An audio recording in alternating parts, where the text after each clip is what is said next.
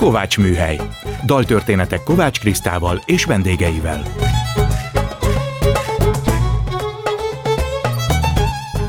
Jó estét kívánok, Kovács Kriszta vagyok. Ez itt a Kovács Műhely, gombhoz a kabátot, daltörténetek másként.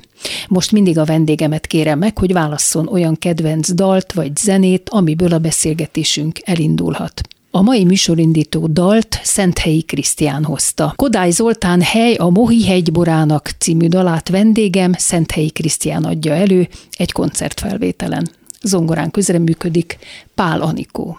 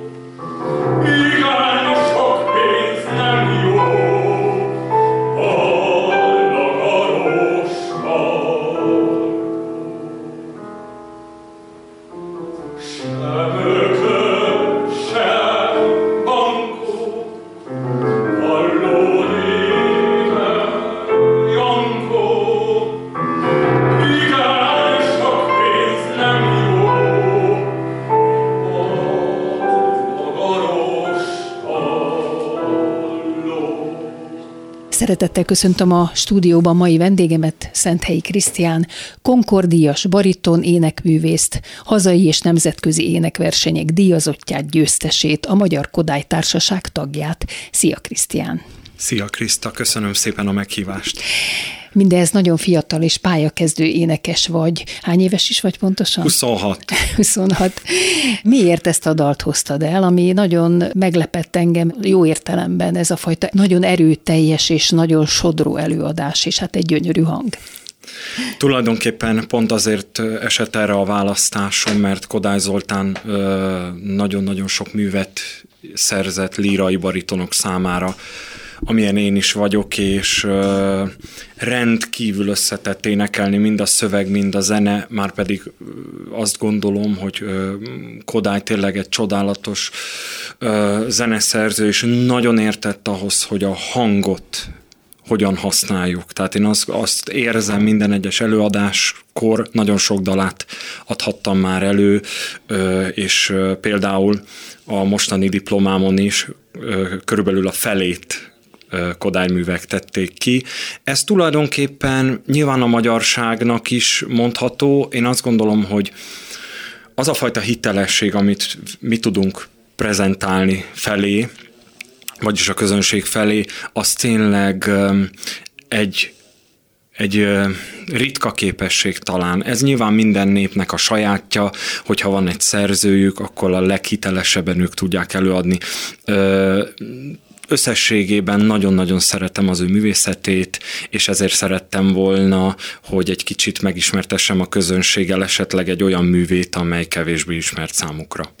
Most viszont egy ős bemutatóra készülsz, a szerzők Wolf Péter és Fábri Péter, ráadásul angolul írta Fábri Péter, és ez egy dalciklus, a címe A Reckless Requiem, és a bemutató a Liszt ünnepen lesz nem sokára, mégpedig nagyon patinás helyszínen a Zeneakadémia Solti termében. Hát itt gondolom azért te otthon vagy ebben a teremben, hiszen itt diplomáztál, ugye, ha jól tudom. Így van. Na most Így hogy van. talált meg téged ez a nagyon izgalmas feladat? Hogy ismerkedtél meg Wolf Péterrel?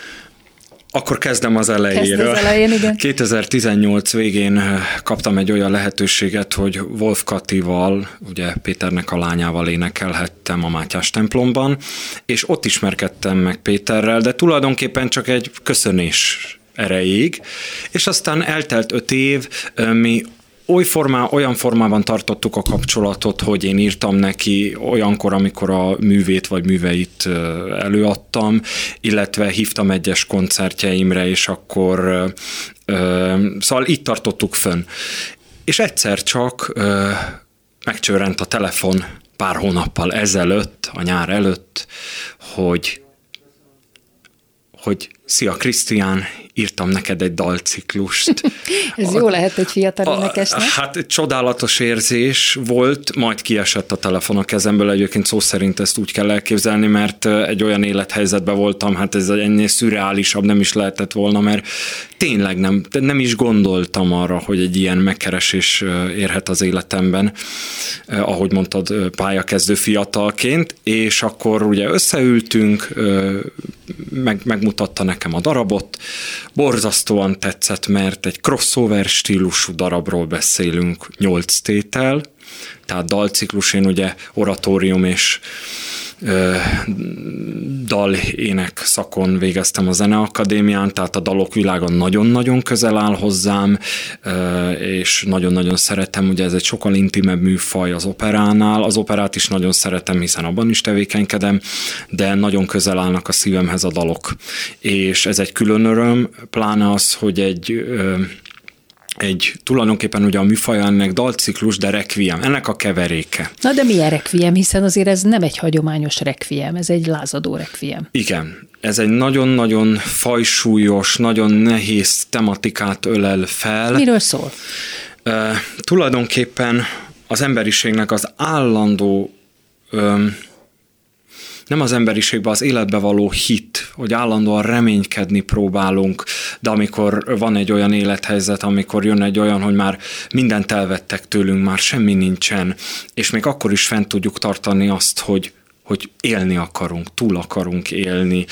Ez különböző csodálatos zenéken át van, tehát tényleg azt kell mondjam, hogy nagyon sok műfajt ölelt át a Péter ebben.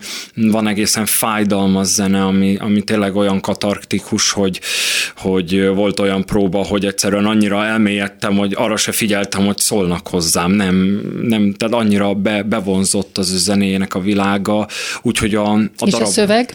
A szöveg is nagyon, ugye Fábri Péter írta a szöveg, szöveget, ahogy említetted is, és egy nagyon, a zeneszöveg teljes párhuzamban azt kell mondjam, nagyon jól énekelhető, ugye egy énekes mindig azt nézi, hogy maga a szöveg, a, a hangzók hogyan énekelhetők. A Péter ezt nagyszerűen szájra illesztve tudta működtetni. Hogy tudja fogadtad működtetni. azt, hogy nem magyarul kell énekelned, hanem angolul? Ez egy énekesnek természetes. Tehát az, ugye az előbb említettem, hogy Kodályt mennyire szeretem, ugyanannyira szeretek angolul, oroszul, németül, olaszul. Nyilván vannak olyanok, amik sokkal jobban a szívemhez állnak, vagy közelebb állnak hozzám, de, de nyilván az angol, amit ma már abszolút ugye világnyelvként ismerünk, ez egy teljesen természetes dolog volt számomra, tehát nem ijedtem meg. És mennyire érezted közel magadhoz ezt a témát, hiszen azért ez a halállal foglalkozik, és te egy fiatal ember vagy. Itt akkor összekötném azzal ezt a kérdésedet, hogy én réges-régen elkezdtem verseket írni, amelyben mindig a, az a fajta világfájdalom jelent meg, amit a családtagjaim mindig furcsán néztek, hogy még jóval fiatalabb voltam, és mindig, mindig a, a szomorúság, vagy a fájdalom, vagy a dráma jellemezte a műveimet általában. Persze írtam másokat is, de általában ez jellemezte. És én ezt soha nem éreztem problémás, problémásnak, mert azt gondoltam, hogy ha én ezen az úton tudom kifejezni azt, hogy én mit érzek. Az nem jelenti azt, hogy én egy pessimista, depresszív embere vagyok, mert nem tartom magamat annak. De elfogadod ezt a fajta Abszolút, halált, sőt, a sőt, abszolút ez egy természetes dolognak kell lennie az élethez hozzátartozó tényező, azt gondolom, hogy, hogy, hogy el kell fogadnunk az elengedés, az elmúlásnak a dolgát. Tudom azt, hogy nagyon-nagyon furcsa ezt egy fiatal ember szájából hallani, de azt gondolom, hogy, hogy a zene erre egy tökéletes példa, vagy a művészet, hogy ezek nem múlnak el. Nyilván az, hogy majd egyszer az előadó elmúlik, el, elmegy az életből, de esetleg a felvétele, vagy maga a mű, az tovább, tovább élhet. Zenész családból jössz, édesapád Szenthelyi Miklós hegedű művész, édesanyád Farudi Judit cselló művész, és ugye Szenthelyi Judit zongora művész, ő a nagynénéd, Így ugye? van, igen. Hát akkor mondhatnánk, hogy a zenébe születtél bele. Ugye? És hát a mostani bemutatóban is édesanyáddal együtt lépsz fel színpadra, hiszen Wolf Péter mellett ő fog csellózni. Így van. Volt sok közös zenélés otthon? Volt. Nem is otthon, inkább ezt nem így fogalmaznám meg, mert nem az otthoni érában, hanem édesapámmal, tehát közös koncertek voltak édesapámmal, édesanyámmal. Játszani együtt kevesebbet játszottunk, tehát egy darabban, így, mint a Nem így értem, most. hogy színpadon, hanem otthon, családi közegben. Otthon nem nagyon. Tehát nem, nem volt nagyon. ilyen, hogy ünnepekkor együtt nem, zenéltetek, Nem, nem voltunk az a, tehát hogy tipikus zenés család, de etéren nem voltunk tipikus zenés család, mert karácsonykor nem ültünk össze, hallottunk ilyen történeteket másoktól, de nálunk ez nem volt, mert ugye um, nem is tudom ezt megfogalmazni, hogy ez miért nem történt így. Soha nem hiányzott az, hogy otthon együtt, az, hogy a színpadon együtt játszunk, együtt dolgozunk, ugye például most édesanyámmal, ami nekem volt egy külön öröm, amikor Péter megkérdezte, hogy és kivel szeretnél dolgozni, ugye, hogy csellista, és akkor én mondtam, hogy hát én édesanyámat szeretném. Igen, főleg, ő megmondta, hogy remélte, remélte hogy ezt mondom, mert azért van egy közös nyelvünk, hát anya-fia, akkor, akkor mégiscsak sokkal könnyebben idomulunk, bár én nem tartom magamat egy nem idomulós embernek bármilyen művésztársamhoz, de azt gondolom, hogy azért ez mégiscsak a berkeken belül történik. Félszavakból is értjük Félszavakból is értjük egymást, úgyhogy azt gondolom, hogy az otthon művészete az inkább a színpad művészetévé vált nálunk. Ez itt a Kovács Műhely, vendégem Szenthelyi Krisztián énekes. Mióta énekelsz, Krisztián? Emlékszel arra a pillanatra, amikor elkezdtél otthon énekelni? Nem is otthon történt egyébként. Akkor hol? Meséld. ha nagyon visszamegyek, jó sok évet, akkor volt egy Carmen előadás az operában. Hát ugye zenés család, én Mindig nagyon sok... Cipeltek magaddal, Cipeltek, ugye? igen. Ugye nagyon sok időt töltettem a Zeneakadémián, a parlamentben, a, ahol koncertek előfordultak. Ott operában igen. is, igen. És akkor így arra emlékszem, hogy az az előadás volt a Carmen, ami, ami nagyon, nagyon megfogott. És onnantól kezdve volt, mindig, mindig a művészet fele, mindig volt egy érdeklődésem, de azt gondolom, hogy az, amikor az opera fele, az éneklés, az, ez az előadás volt, és onnantól kezdve pedig 17 éves voltam egyébként, amikor elkezdtem Hormai József operaénekesnél tanulni, és ez azt gondolom, hogy a legcsodálatosabb kezdés volt ami, ami csak velem megtörtént, sorszerű találkozás volt. Tehát az volt, amikor már úgy gondoltad, hogy ez lesz a te életed. 17 évesen azt igen. mondtam, igen, ö, voltak korábban is próbálkozásaim, de nagyon fiatal voltam. Ugye ezt azért tudni kell, hogy egy fiú esetében 17, 10, még mondhatnám följebb is. Azért nem nagyon fordul elő az, mert, mert egyszerűen hát még nem alakult még, ki A test Igen. az alakul, biológiailag nem Olvastam egészséges. is, hogy te tenorként kezdtem. Tenorként kezdtem, így van, tanár úrral még úgy indítottunk, és aztán gyönyörűen, körülbelül 19 éves koromban, tehát két évre rá, hogy elkezdtem, történt egy hatalmas mélyülés, és ugye fönt meg megállt a történet, igen. és kényelmesebbé vált az, hogy a pincében énekeljek, mint sem a igen, hegytetőn, igen. tehát, és, és tényleg az, akkor, akkor azért egy nagy kő esett le a szívemről, mert azért úgy egy bizonyos idő után az ember érzi, ha valami nem annyira kényelmes. Ezt a tanárom is nagyszerűen tudta, tehát úgy idomított abba az irányba, ugye nyilván a kezdetek kezdetén nem a nagy áriákkal kezd az ember, hanem szépen alapozunk. Ez ugyanígy történt, tehát nem, nem az történt, hogy akkor most a nagy tenoráriával kezdtük el, hanem egy picit magasabb darabokat énekelve tanultunk, úgyhogy így kezdődött nekem ez a fajta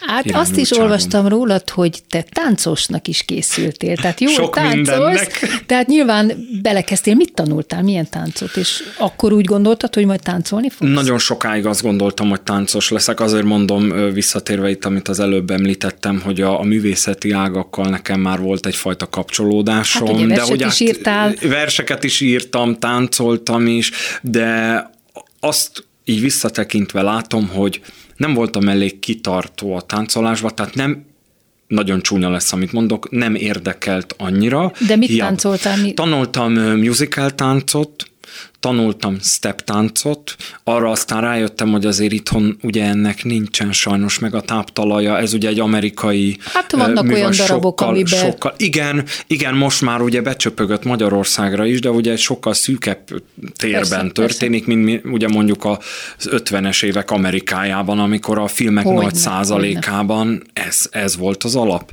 És, és nagyon szerettem táncolni, csak aztán, aztán kicsit elmásztam ettől a területtől, és akkor egyébként volt, ha ezt szabad elmesélni a kedves hallgatóságnak, hogy volt a Vix Színházban egy nagyon emlékezetes, számomra Na, emlékezetes mesélj. fellépés, amikor is édesapámék Illényi Katicával játszottak, vagy csináltak egy közös koncertet, és akkor kitalálták, ugye a Katica nagyon szeret énekelni, táncolni, nagyszerűen csinálja ezeket ugye a hegedülés mellett, és kitalálták, hogy mivel én, akit érdekel a táncolás, na akkor csináljunk valamit közösen, ekkor voltam tizen két éves talán, tehát most kisfiú nagyon kisfiú voltam, kisfiú, és akkor szépen elkezdtük, hogy jó, akkor átjött a Katica, megbeszéltük, hogy mit csináljunk, akkor az Ének az esőben című oh. darabból választottuk ki ugye a, a a nagy számot, cím, amikor, a nagy amikor számot, a címzenét, a így van, igen. igen, és akkor I'm arra,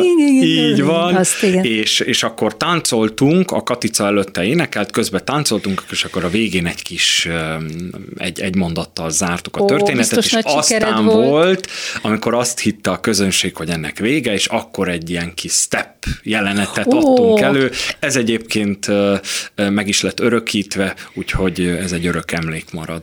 Nagy sikered volt, ugye?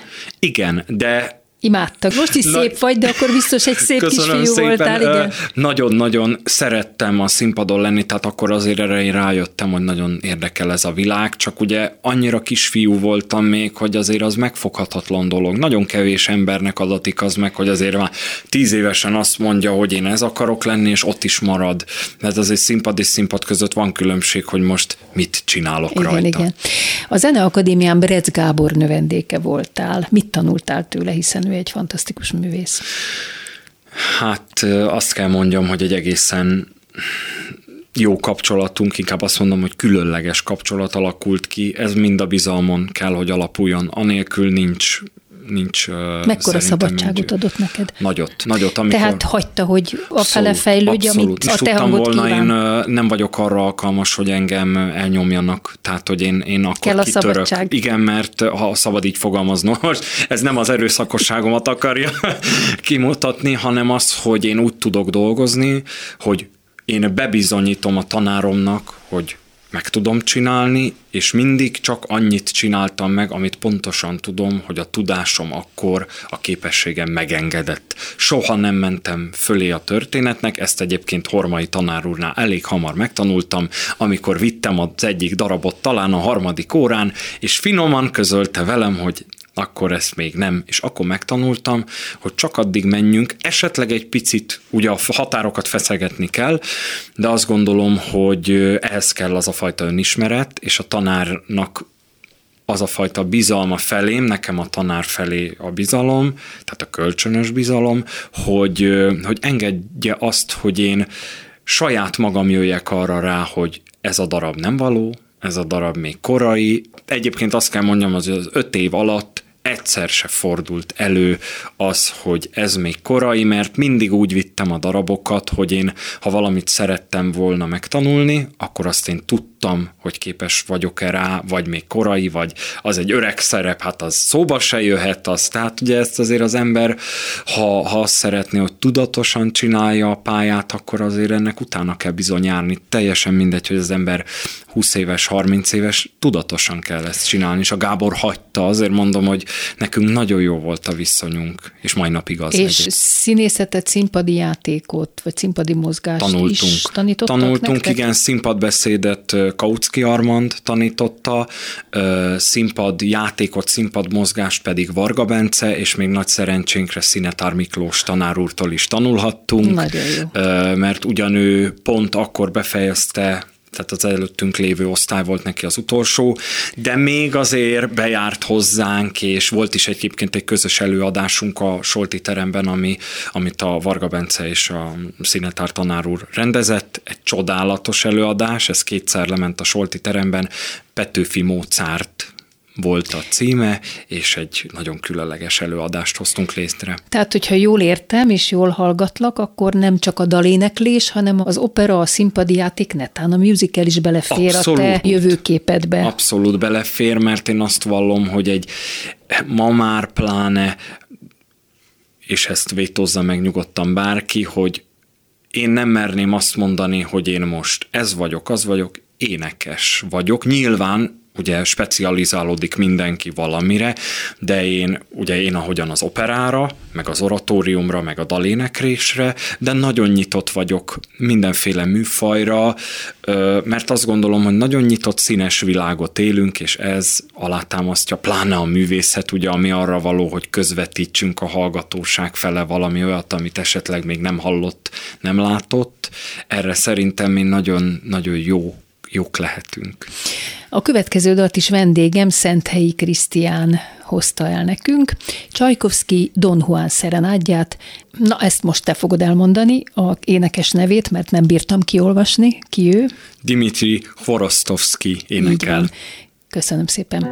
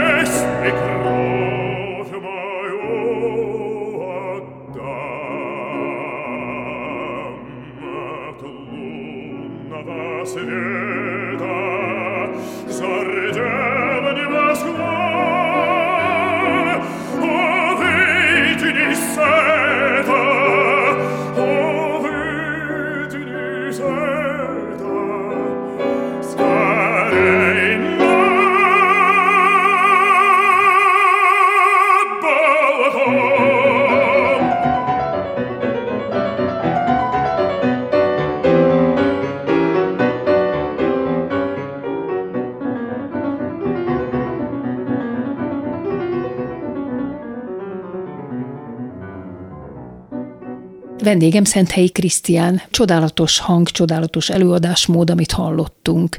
Ő az egyik példaképet, ugye? Azt kell mondjam, hogy igen.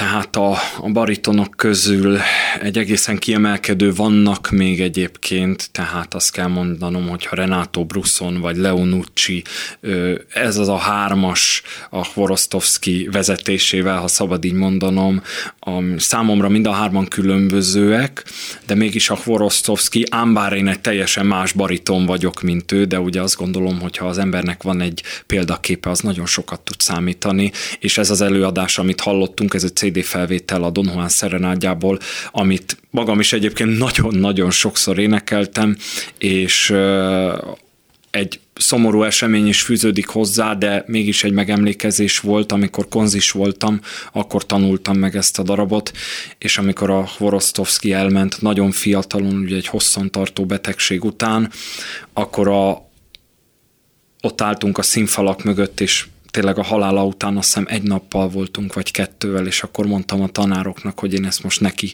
szeretném énekelni, ezt az előadást neki szentelem, mert annyit kaptam nem hallottam élőben, egyébként pedig volt itthon Budapesten, és nagyon-nagyon sajnálom, mert sok külföldi énekest hallhattam, de őt pont nem. Nem láttad a Traviátát a Netrebkóval, és ő volt Hogyne. a másik? Hát az, amikor megy az óra, Hogyne. tudod? Hát Persze. az elképesztő. Egy egészen különleges hang, hang volt, de hang mai napig, mert megőrizte számunkra azért a, a felvételei által, és egy nagyon különleges színészi képessége igen, is igen. volt, egy nagy vívő erő, szóval a, a kinézete is azért nagyon erős egy nagyon erőteljes kisugárzása, volt, ha az ember nézi a felvételeit, azt mondja, hogy uram, atyám, ez az ős erő, ami belőle árad, és ez nem egy tanulható dolog. Ugye ezzel ez születik, ezt fejleszti, igen. ez nem. A hangjának a szépsége engem mindig elbűvölt egyébként, tehát a hazaiak közül azt kell mondjam, hogy ilyen a Melis György, Miller Lajos, Bende Zsolt, de nem akarok senkit kihagyni a sorból, nem is sorolnék így nagyon tovább, mert vannak, vannak csodálatos énekeseink, és, és azt gondolom, hogy a Horostovskit hoztam most, de hozhattam volna bárki más, de azt gondoltam, hogy az egyik kedvenc énekesem Requiemtől az egyik kedvenc dalomat. Vagy hát hozhattad el. volna a Reckless Requiemből az egyik Így dalt, van. hogyha elkészült volna, de az majd Így remélhetőleg van, meghallgatjuk, és majd elkészül. Talán, igen. igen. Többféle verseny nyertél már, énekversenyeket. Egyrészt mik ezek, meséld el nekünk, másrészt, hogy miért fontosak ezek egy fiatal énekes életében. Amikor konzis voltam, és Barna Júlia növendékeként tanultam, tehát Hormai tanár úr után, akkor, amikor a konziba bekerültem, ugye mivel egy intézmény tagja voltam, mert Hormai tanár úrnál magámban tanultam, kinyílt a világ a versenyek felé. Nagyon-nagyon fontos, azt gondolom, mert egyrészt a megmérettetés, van, aki nem szereti, ugye azt, amikor, mint a, ugye a lóverseny, szokták ehhez hasonlítani a versenyeket. Van, de aki azt, jól bírja, van, van aki, aki jól bírja, igen. nyilván ezt fel kell tudni mérni, de ahhoz egyszer legalább el kell menni. Meg kell próbálni, Tehát nagyon-nagyon fontos, mert ismerettséget ad az embereknek, felkészülési idő, nagyon sok gyakorlás, hiszen egy verseny ahhoz, hogy oda jussunk, vagy tovább jutunk, nagyon-nagyon-nagyon sokat kell érte tenni. Egyrészt ugye az otthongyakorlás ilyenkor megnövekszik, hiszen ugye mondjuk nyilván ö, itt arról van szó, versenye válogatja, hogy hány forduló van, mi a a repertoár, amit kérnek, de azért ugye, ahogy megyünk fölfele, egyre nehezebbek. Bocsánat, hogy közbevágok, a repertoárnál álljunk meg egy pillanatra. Tehát ezeknél a versenyeknél megvan adva, hogy mit kérnek, vagy te szabadon választhatsz, hogy milyen anyaggal mész, és ebben, ha mikor te választasz, akkor mik a szempontjai? Ez minden versenynél más. Ö, amely versenyeken én voltam, konzis koromban voltam a Gregor Józsefének versenyen, a, még a konzis kategóriában a Simándi nemzetközi énekversenyen. Ott például úgy volt megadva, hogy korszak van megadva, stílus van megadva azon, azon belül, belül szabad kezet és azon belül szabad kezet ad. Van olyan verseny, amely azt mondja, hogy Verdi áriák közül tessék választani. Uh-huh. Ugye nyilván ezek a nagy ö, ö, bikákat összehasonlító, ahol már tényleg nagyon Igen. nagy, nagyon sok tapasztalattal, sokszor már pályán levő operaénekesek mérik összetudásukat, mert ugye azért a, az énekeseknél ugye 35 év általában a felső korhatár, és azért az elég széles skálát enged, ugye 35 évesen pedig azért már bizony bőven lehet, hogy valaki 10 éve a pályán van. Bőven, persze. Bőven, Igen. bőven, tehát... És mond ilyenkor nevezési díj van, vagy nevez az iskola? Értem, nevezési vagy? díj az általában mindenhol van. Hallottam már olyanról, ahol nincs nevezési díj, az azért ritkább, például nemzetközi versenyen nincsen. És akkor azt neked kell ilyenkor. Azt nekem kell, abszolút. A kiutazást is minden, tehát neked kerül pénzbe Igen. ilyen verseny. Aha. Igen. Azt kell mondjam, hogy voltam a, mondjuk az is nincs annyira messze, Érsekújváron voltam a házi Erzsébet énekversenyen, voltam a Danubia Talent nemzetközi énekversenyen, aminek itthon volt akkor a megrendezése, vagyis itt, itthon rendezték meg, tehát nagyon sokat nem kellett ezekért utazni, de nyilván tervbe van véve azért, hogy messzebbre is elmenjek, mert nem baj, ha az ember idegenebb környezetbe próbálja ki magát, ahol tényleg senki nem ismeri, mert azért azt tudni kell, hogy nagyon vicces jelenetek zajlottak le, főleg amikor konzisként mentünk, mert minden versenyen mindig ugyanazokkal találkoztunk. Igen, ez nem Tehát jó. azért nyilván egy mindig bekerültek, meg kikerültek ebből a skálából, de én általában mindig ott voltam közöttük, tehát Igen. én mindenkivel találkoztam. Igen. Aztán volt olyan, akivel a Zeneakadémián is, sőt többekkel tanultunk tovább ott. Úgyhogy, úgyhogy azt kell tudni erről, hogy én támogatom a, a versenyeket, sőt, most... Uh, nyertél is többet is, mert nye... nagyon szerényen nem mondtál egyet sem. Ne, nem mondtam, de, Mi az de a Concordi, mert azt Köszönöm, hogy megemlíted. Uh, igen, a Concord díj az is egy nagyon váratlan pillanatban érkezett. És nagyon, mi az? Mi az? Az a Concord ZRT és a Zeneakadémia baráti köre választ ki minden évben egy vagy két zeneakadémista növendéket, uh-huh. aki megkapja ezt a díjat. Ez nem egy ösztöndíj, ez nem egy versenydíj, ez egy tehetségdíj. És, Ez egy név, vagy pénzer jár, vagy lehetőségekkel?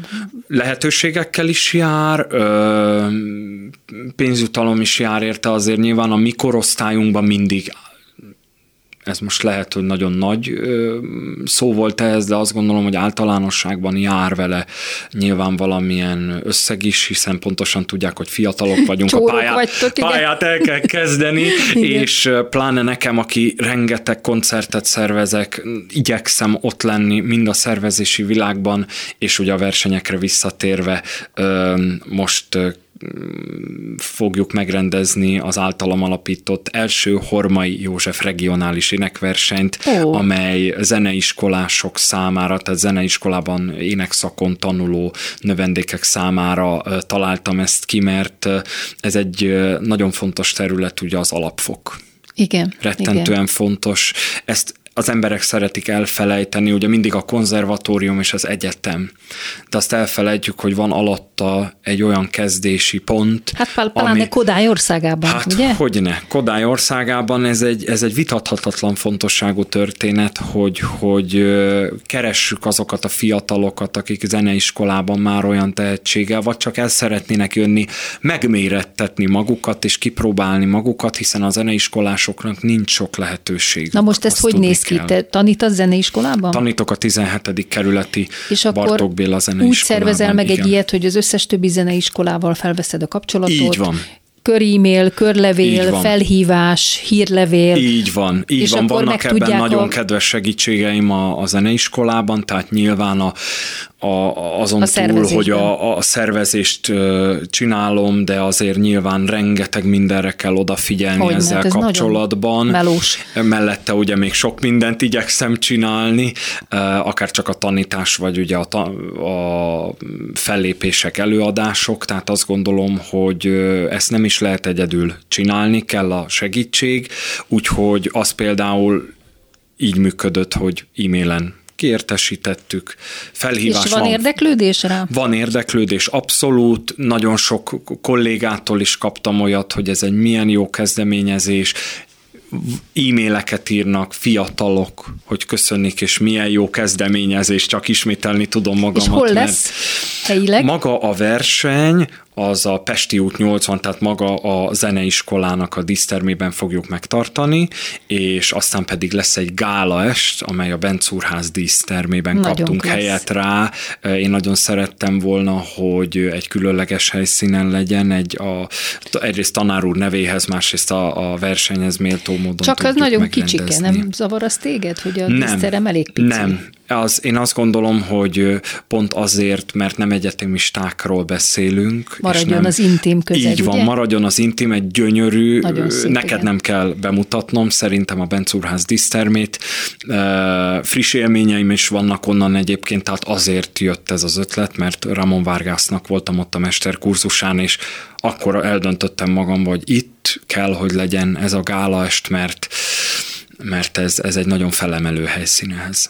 Ez itt a Kovács Műhely, Szenthelyi Krisztiánnal beszélgetünk. A tanulás sem fejezted be, Krisztián, hiszen tovább tanulsz a Zeneakadémián, hol és milyen szakon és milyen terveid vannak ez ügyben?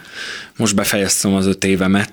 Igen, és énekesként. így van, énekesként, és most pedig uh, művésztanári szakon szeretném a tudásomat gyarapítani, mert azt gondolom, hogy a, annak ellenére, hogy alapfokon ugye taníthatok, ez nagyon fontos, hogy az ember más olyan tanároktól, akik ebben a műfajban dolgoznak már évtizedek óta, hogy esetleg énekesek, de tanítanak mellette, tehát nagyon neves énekmesterek, azoktól el tudjak lesni bármi olyan általuk javasolt technikát, vagy az ő tapasztalatukat át tudják nekem adni, ez számomra nagyon fontos. Nyilván minden egy tanulási folyamat, az nagyon segít nyilván, hogy már van lehetőségem a diplomával tanítani, Egyébként ez már működik a bachelor, bachelor diplomával is, de azt gondolom, hogy az ember akkor kap egy biztos Hát tudást is tudást, alapot, igen.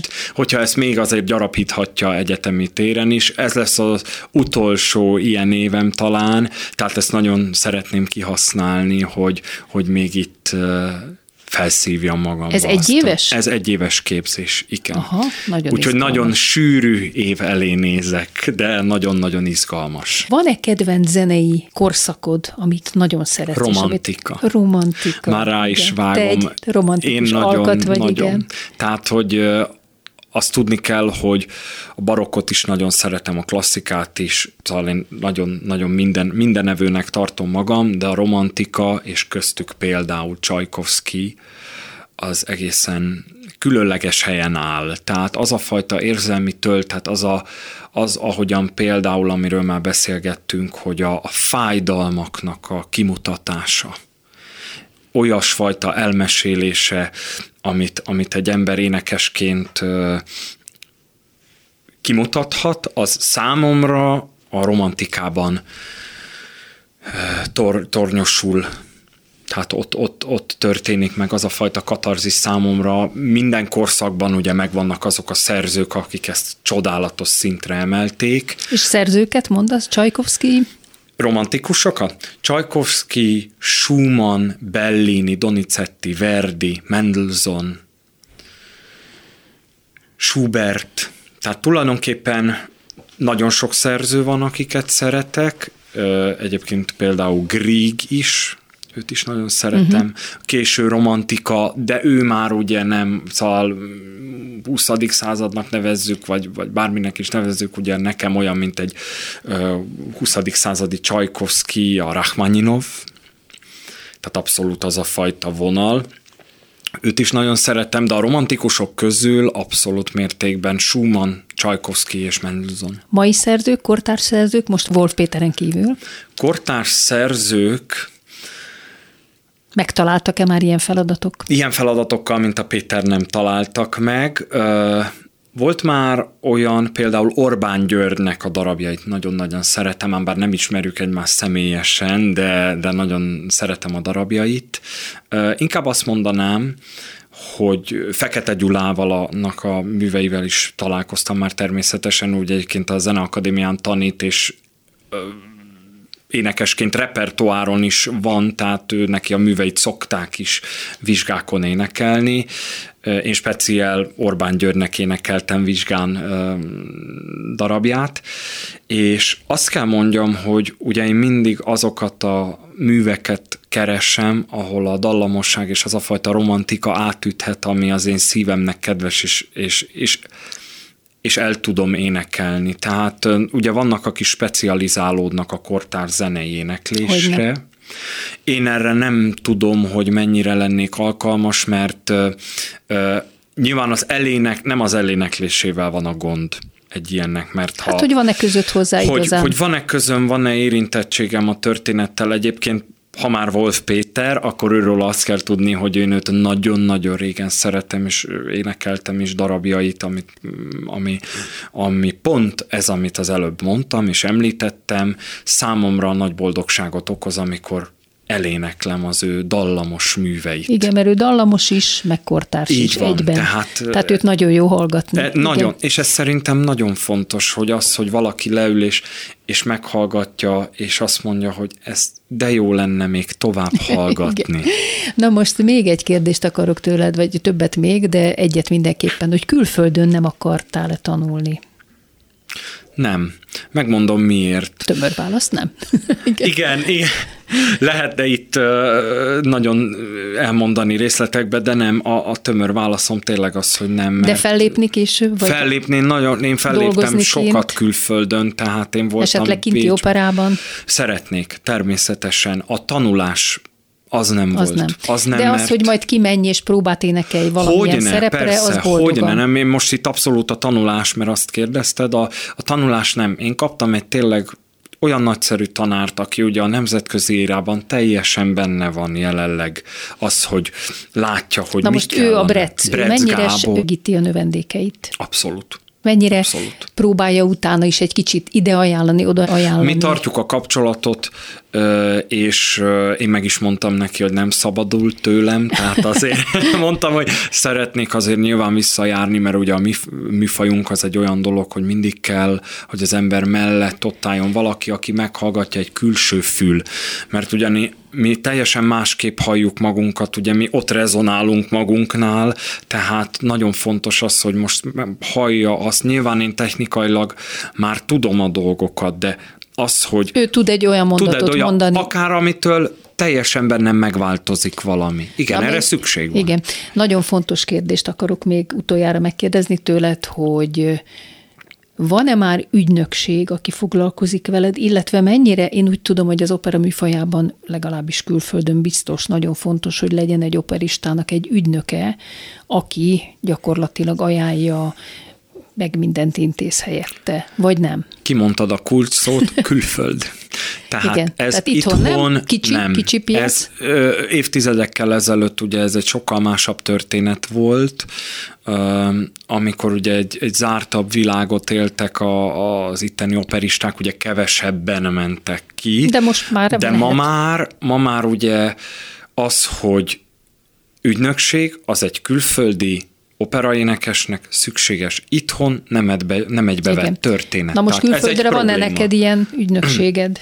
Vagy még nincs, de tervezed? Tervezem, és ez versenyek által lehet egyébként általában, Aha. tehát ez úgy működik, hogy ugye egy nemzetközi versenyen általában intendánsok, szereposztók, esetlegesen énekesek ülnek a zsűriben, nagy nevű énekesek, és akkor ők, vagy ugye és ügynökségek, tehát természetesen ügynökök ülnek a, a zsűriben, és akkor ha én elmegyek az XY ország XY versenyére, hát ha azt mondja, hogy én vele dolgozni szeretnék, és engem esetlegesen megtalál és kiemel, és akkor onnantól kezdve, amiket erről hallottam, ez azért nem úgy működik, hogy rögtön, hanem nyilván először meg szeretné ismerni azt, hogy én hogyan működöm. Tehát ugye, és amit már meséltünk, hogy én, én nagyon komplexen gondolkodom az egész éneklésről, hogy mellette ott kell lenni az, hogy az ember tudja saját magának az életét szervezni, tervezni. Ez nem olyan, hogy majd jön a múzsa, és akkor múzsa csókja, és akkor majd így vagy bekopogtat valaki, és azt mondja, hogy hogy te most jössz velem, ez nem létezik. Tehát azt gondolom, hogy bizony ezért tenni kell, én bízom abban, hogy lesz majd erre lehetőség, versenyre kell menni, meg külföldön énekelni ki, úgyhogy ez egy nagy tervem, sok-sok tervem van még a jövőt illetően. Hát nagyon fiatal vagy, úgyhogy most az ős bemutatóhoz nagy kalappal kívánunk neked, és nagy sikert, és a további terveidhez is mind-mind-mind. Köszönöm. Köszönöm Szenthelyi Krisztiánnak, hogy beszélgetett velem a Kovács műhelyben. Szia Krisztián! Szia, köszönöm. És köszönöm hallgatóink figyelmét Pályi Márk és Csorba László munkatársaim nevében is. Az adás ismétlése ma este tízkor hallható, utána az archívumban is bármikor elérhető, és podcastként is meghallgatható. Hallgassanak minket vasárnaponként ötkor, vagy este tízkor továbbra is az interneten. Egy hét múlva vasárnap egy újabb daltörténettel jelentkezik a Kovács műhely, gombhoz a kabátot, daltörténetek másként. A műsor vendége Haki Tamás lesz, aki fülorgégész, egyetemi tanár, de az egész ország fütyművészként ismerte meg. Kifaggatom majd, hogy mi a titka, hogy így tud fütyülni, mennyit kellett gyakorolnia erre is, hogyan változtatta meg az életét, aki mit tud, ahol a közönség követelte ki neki az első helyezést. Majd a rengeteg itthoni és külföldi koncertturné után és közben mégis miért lett orvos. Orvosként és egyetemi tanárként is nagyon sikeres lett Németországban, erről is kérdezem majd. Ő műsorindítónak Paganini La Campanella című művét fütyüli el nekünk, Wolf Péter feldolgozásában.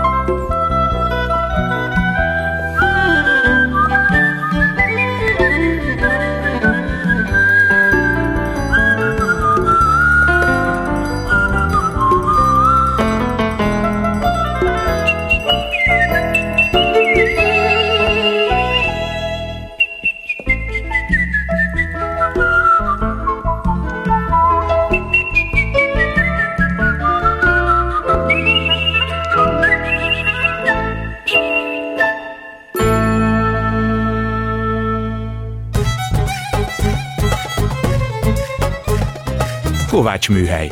Daltörténetek Kovács Krisztával és vendégeivel.